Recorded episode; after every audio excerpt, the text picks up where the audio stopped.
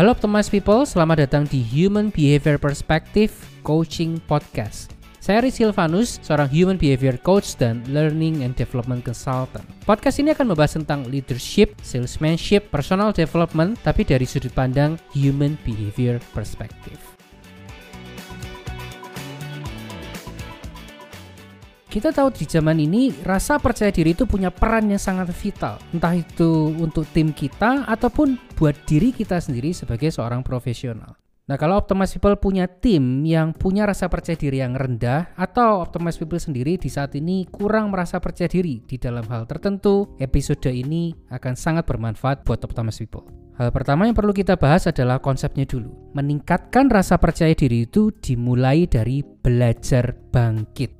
Coba bayangkan otak kita itu punya dua fokus utama. Yang pertama, fokus pada menghindari kejatuhan, menghindari kesalahan, menghindari kegagalan. Sedangkan yang satunya, kita fokuskan otak kita untuk belajar terbiasa bangkit lagi. Coba pikirkan, fokus mana yang mempermudah kita untuk punya rasa percaya diri? Yang fokus menghindari kegagalan atau fokus belajar terbiasa bangkit lagi? Ya kan? Saya menemukan orang-orang yang percaya diri entah dalam hal apa pun, percaya diri dalam hal bisnis, percaya diri dalam hal public speaking, percaya diri dalam menjual, percaya diri dalam memimpin, dalam hal apa pun. Mereka ini biasanya punya dua ciri khas utama. Yang pertama, mereka ini tidak takut jatuh, tidak takut gagal. Kenapa? Bukan karena mereka serba bisa, tapi karena mereka yakin kalaupun mereka gagal, mereka bisa bangkit berdiri lagi, bisa coba lagi. Contoh sederhananya saya melihat di orang-orang yang rasanya kok percaya diri banget ketika mereka ingin memulai sebuah bisnis yang baru. Memang ada satu hal mereka merasa punya kemampuan untuk mengerjakan bisnis itu. Tapi kadang-kadang mereka mencoba sebuah bisnis yang mereka nggak terlalu familiar. Itu bukan area ekspertis mereka. Nah saya melihat benang merahnya begini. Orang-orang ini kenapa cukup percaya diri untuk mencoba? Karena mereka sudah pasang margin. Mereka punya jaring pengaman. Jadi kalaupun mereka gagal, mereka bisa bangkit lagi. Nah sekarang bandingkan dengan orang yang tidak punya margin kegagalan. Maka otaknya secara logis akan bilang, kamu tidak boleh gagal karena kalau sampai gagal kamu akan celaka. Kalau kita tidak punya margin kegagalan, maka kita akan takut untuk mencoba dan sikap itulah yang kita rasakan sebagai rasa tidak percaya diri, takut gagal tidak merasa bisa bangkit lagi. Jadi ciri khas pertama orang yang punya rasa percaya diri yang kokoh, mereka tidak takut jatuh karena mereka yakin dengan kemampuannya untuk berdiri lagi, untuk bangkit lagi, untuk moving forward lagi. Ciri khas yang kedua, orang-orang dengan rasa percaya diri yang kokoh ini terus-menerus bertumbuh. Rasa percaya dirinya tidak hanya dibangun berdasarkan pengalaman sukses di masa lalu, tapi pada kemampuan untuk terus-menerus bertumbuh terutama dari kegagalan. Orang-orang yang terlalu menitik beratkan rasa percaya dirinya pada keberhasilan di masa lalu. Ketika Tuhan izinkan keberhasilan di masa lalu itu tidak lagi relevan, maka rasa percaya dirinya akan bergelimpangan, akan runtuh. Makanya ada yang bilang kalau kita ada di posisi paling bawah itu justru bagus karena kita hanya bisa lihat ke atas, kita hanya bisa jalan ke atas. Sebaliknya ketika kita ada di posisi yang tinggi kita jadi terlalu takut jangan-jangan nanti aku jatuh ke bawah. Tapi kalau kita pikir baik-baik ya, sebetulnya mau kita di bawah kayak mau kita di tengah kayak mau kita di atas, bukannya yang terpenting adalah ketika kita merasa yakin kita akan terus-menerus bertumbuh. Betul nggak? Mau di bawah kalau terus-menerus bertumbuh juga akan lama-lama naik. Mau di atas jatuh sebentar kita terus-menerus bertumbuh juga akan naik lagi. Jadi itu konsepnya, itu mindsetnya. Belajar meningkatkan rasa percaya diri itu dimulai dari membiasakan otak, mental, hati, psikologis apa pun namanya itu untuk terbiasa bangkit lagi, bangkit lagi, dan bangkit lagi. Nah sekarang saya akan bahas empat kebiasaan super-super sederhana sebetulnya yang bisa kita biasakan untuk membangun rasa percaya diri yang kokoh. Yang pertama, ask questions. Bertanya, biasakan untuk bertanya. Kenapa penting sekali membiasakan diri untuk selalu bertanya? Karena ada dua ketidaktahuan yang harus senantiasa kita waspadai. Yang pertama, sesuatu yang kita tidak tahu tapi orang lain tahu. Kita kenal ini dengan istilah blind spot. Tapi yang kedua, sesuatu yang baik kita maupun orang lain pada momen itu sama-sama tidak tahu. Dark spot. Nah, nggak usah didiskusikan lebih detail bagaimana membedakan mana yang blind spot, mana yang dark spot. Karena secara human behaviornya kan begini, kalau kita berhenti bertanya, maka kita akan tidak tahu apa yang kita sebetulnya tidak tahu.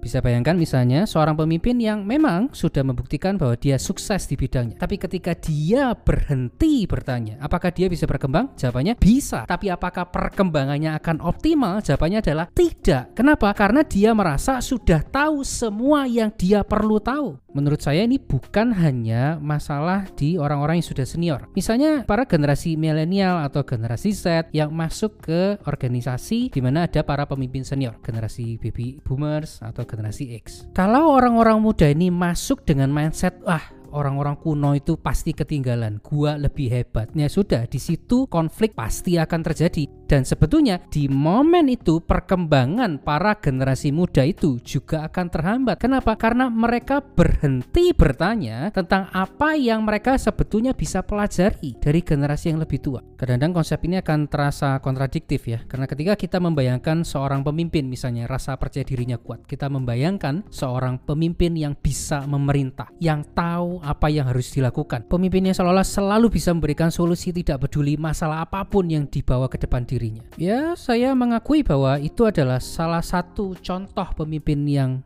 punya rasa percaya diri. Tapi kita kan bukan manusia maha tahu, kita bukan manusia yang maha bisa. Ada Tuhan yang jauh lebih berkuasa daripada kita. Jadi rasa percaya diri yang paling kokoh itu justru diuji ketika sang pemimpin atau kita sebagai seorang pribadi justru mengakui bahwa di momen itu kita tidak tahu. Itu sebabnya kebiasaan pertama untuk membangun rasa percaya diri yang kokoh itu adalah asking questions. Selalu bertanya.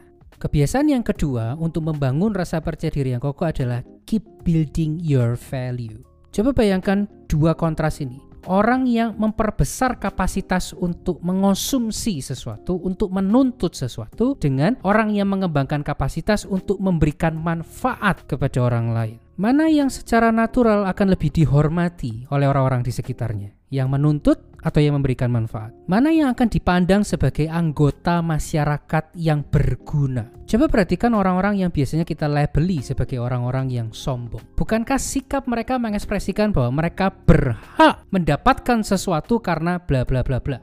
Sekarang coba bayangkan orang-orang yang kita labeli mereka itu sudah posisinya tinggi, orang-orang hebat tapi rendah hati. Apa perbedaan sikapnya? Mereka sepertinya bahkan nggak perlu membela haknya untuk dihormati. Orang lain yang menghormati mereka dengan sukarela karena manfaat yang mereka sudah tunjukkan, sudah berikan ke orang-orang di sekitarnya. Jadi kebiasaan kedua untuk membangun rasa percaya diri yang kokoh adalah keep building your value. Selalu fokus mengembangkan kapasitas diri bukan untuk menuntut tapi untuk memberikan manfaat bagi orang lain. Ini adalah dasar terbaik dari sense of confidence. Kebiasaan ketiga adalah empowering others. Kalau kebiasaan kedua tadi fokusnya sekedar memberikan value. Kebiasaan ketiga ini fokusnya mengembangkan orang lain, membuat mereka jadi lebih baik, membuat mereka jadi lebih hebat daripada sebelum bertemu dengan kita. Konsep ini saya rasa Optimus People sudah sering dengar, tapi yang mungkin jarang dibahas adalah mengembangkan orang lain itu beresiko. Mengembangkan orang lain itu menuntut kita untuk menginvestasikan waktu, menginvestasikan tenaga, bahkan kadang-kadang menginvestasikan biaya. Kadang-kadang mengembangkan orang lain itu juga melibatkan trust, dan ketika trust rasa percaya kita dikhianati untuk alasan apa pun itu sangat amat menyakitkan. Itu sebabnya beberapa orang memilih untuk memelihara rasa trauma mereka lalu berhenti mengembangkan orang lain. Dan sedikit atau banyak, cepat atau lambat, sikap ini akan menghalangi optimalisasi leadership orang itu. Karena salah satu prasyarat dasar untuk menjadi seorang pemimpin yang betul-betul efektif adalah kemauan, kesediaan untuk menginvestasikan dirinya demi perkembangan orang-orang yang dipimpinnya. Kebiasaan keempat akan membawa kita kembali pada topik yang sudah kita bahas di awal episode ini. Kebiasaan keempat adalah always get back up. Dalam hal percaya diri atau bahkan dalam hal rasa berharga diri. Yang terpenting itu bukan sudah berapa kali kita jatuh, tapi apakah kita terus-menerus bangkit sampai akhirnya berhasil mencapai ketujuan. Konsep seperti ini yang seharusnya kita rasakan ketika kita berinteraksi dengan Tuhan atau dalam hal topik parenting misalnya kita ini manusia yang penuh dengan cacat. Tapi Tuhan terus mau bersedia mengampuni kita. Bukan berarti terus kita bebas melakukan segala macam dosa gitu kan. Tapi Tuhan memberikan kita kesempatan lagi untuk kita bertobat. Jadi umat yang lebih baik, jadi umat yang menyenangkan Dia. Dan bukankah itu yang membuat kita jadi merasa berharga? Karena walaupun kita tidak layak, tapi kita masih diberi kesempatan untuk menjadi lebih baik. Anak-anak yang dibesarkan oleh orang tua seperti itu akan merasa bahwa papa mamanya menyayangi mereka, bukan karena mereka tidak pernah ditegur, tapi karena mereka selalu dan masih terus diberikan kesempatan untuk jadi lebih baik. Lagi pula, bukankah langkah awal untuk menjadikan segala kegagalan sebagai pengalaman berharga adalah ketika kita memutuskan untuk bisa bangkit, tidak terus-menerus tiarap, tapi bangkit dan kembali lagi berjalan.